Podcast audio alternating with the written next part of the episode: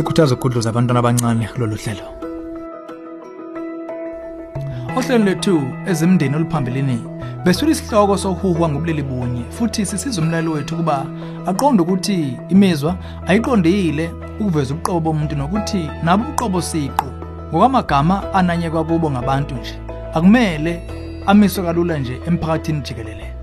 Hlala nathi kwingxenye yesibili yohlelo ulalele ezomndeni njengamanje.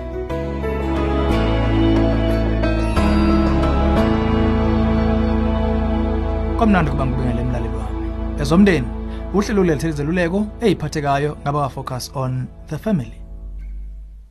Phambilini sithole insizwa esencane embuzweni wayo owawuthi ngakube kuchaza ukuthi ngiyinkonkono uma ngihuka ngobulili bonye sekube negaba lakhona nginenjula mizwa ngomuntu obulili bunye.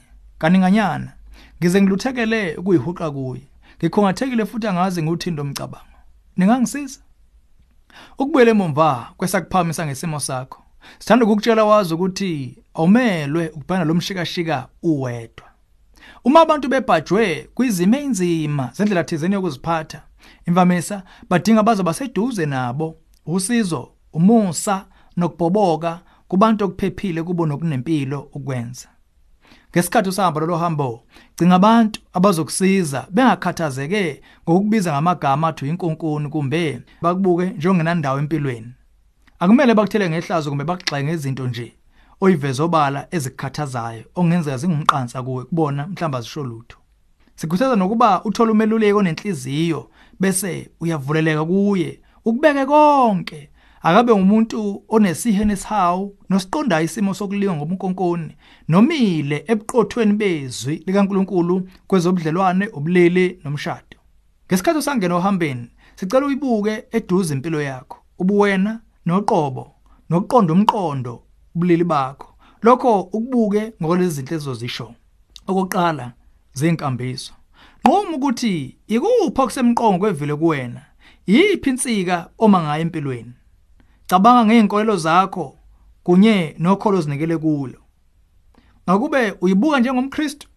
Uma kunjalo kuzomela uke uhlole kokholwa kukokholweni ngokujula qede bese kuba yikho kuseqhule kunantoni na? Enye. Engumcabango okwesibili ukuziphatha. Siyaqonda imizwa inzima. Ongaba nokuphikasa futhi ukuyilawula ingakudosa ikholelo ophatha imizwa. Ngeshwa okunjalo kungengeshiyo ngezenzo qobo. Kunento ebizwa ngokuthi ukuzithiba.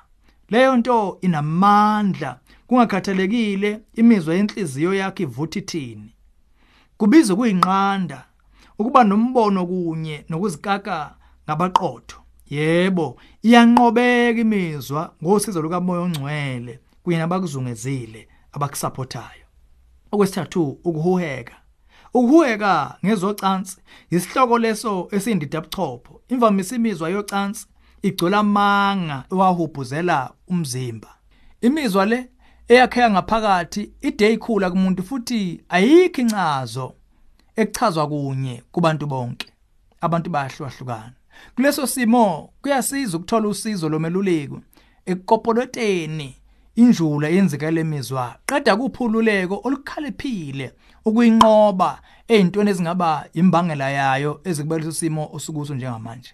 Lokho okuyokusiza uphile ngokulalela inkambiso kanembeza wakho. Kungakhathaleli ukuba uhuweko lufika ngamapha amandla. Lo ufika phinde lwedlule futhi. Okugcina ubona liqobo. Khumbula ukuthi ubuqobo bakho ungubani nokuthi yini oyiyona ngokobuntu obumile. Ngamanye amazwi awumile kwimizwa kuziphatha kumbe uhuweko. Ngoba uKristu ubuqobo bakho wabunikwa futhi bungeguqulwe. ngokweBhayibheli ungumuntu owesilisa noma owesifazane odalwe ngomfanekiso kaNkuluNkulu nebala. Kusengaba kuwe ngokukhuleka kwakho ke ukukhetha ukuba uyakwemukela lokho noma uyakwala lesakheko ngokuyibona uNkulunkulu ayikade nesikhande ngakhona khona wesilisa khona wesifazane kuphela. Njengoba sesishilo ungeyivimbe wena ngokuthanda imizwa yakho. Nokho unganqoma ukuthi uzophendula kanjani kuyona imizwa uma isifika indizela kuwe. Nokuthi kuyini ozokukholwa ngayo nokuthi uyofuna kanjani usizo ze ubheke phambili kwikusasa lakho. Uma ukuthi uthanda ukuba uqhube ukuxoxa nomeluleki sicela ukuba usishayele ku-031 716 3300 kumbe ungene ku-safamily.co.za bese sichofo ku-counseling link. Abaleki bethu bese ngaphinde bakuxhume nongoti abaseduze nawe. Engeneni kwakho online usengafika uhlabe kumxhwele. Incwadi ethi what does the bible really teach about homosexuality? Uzoyithola ku-safamily.co.za sikhona ebala ukuthi lezi nhlelo ezibili sezibe lusizo ekucingeni kwakhe impendulo nokuqonda kabanzi. Lolu hlelo ezomndeni ulethulelwe yi-focus on the family sihlangabezwa hlelo luzayo sesihlabelisa phambili umndeni.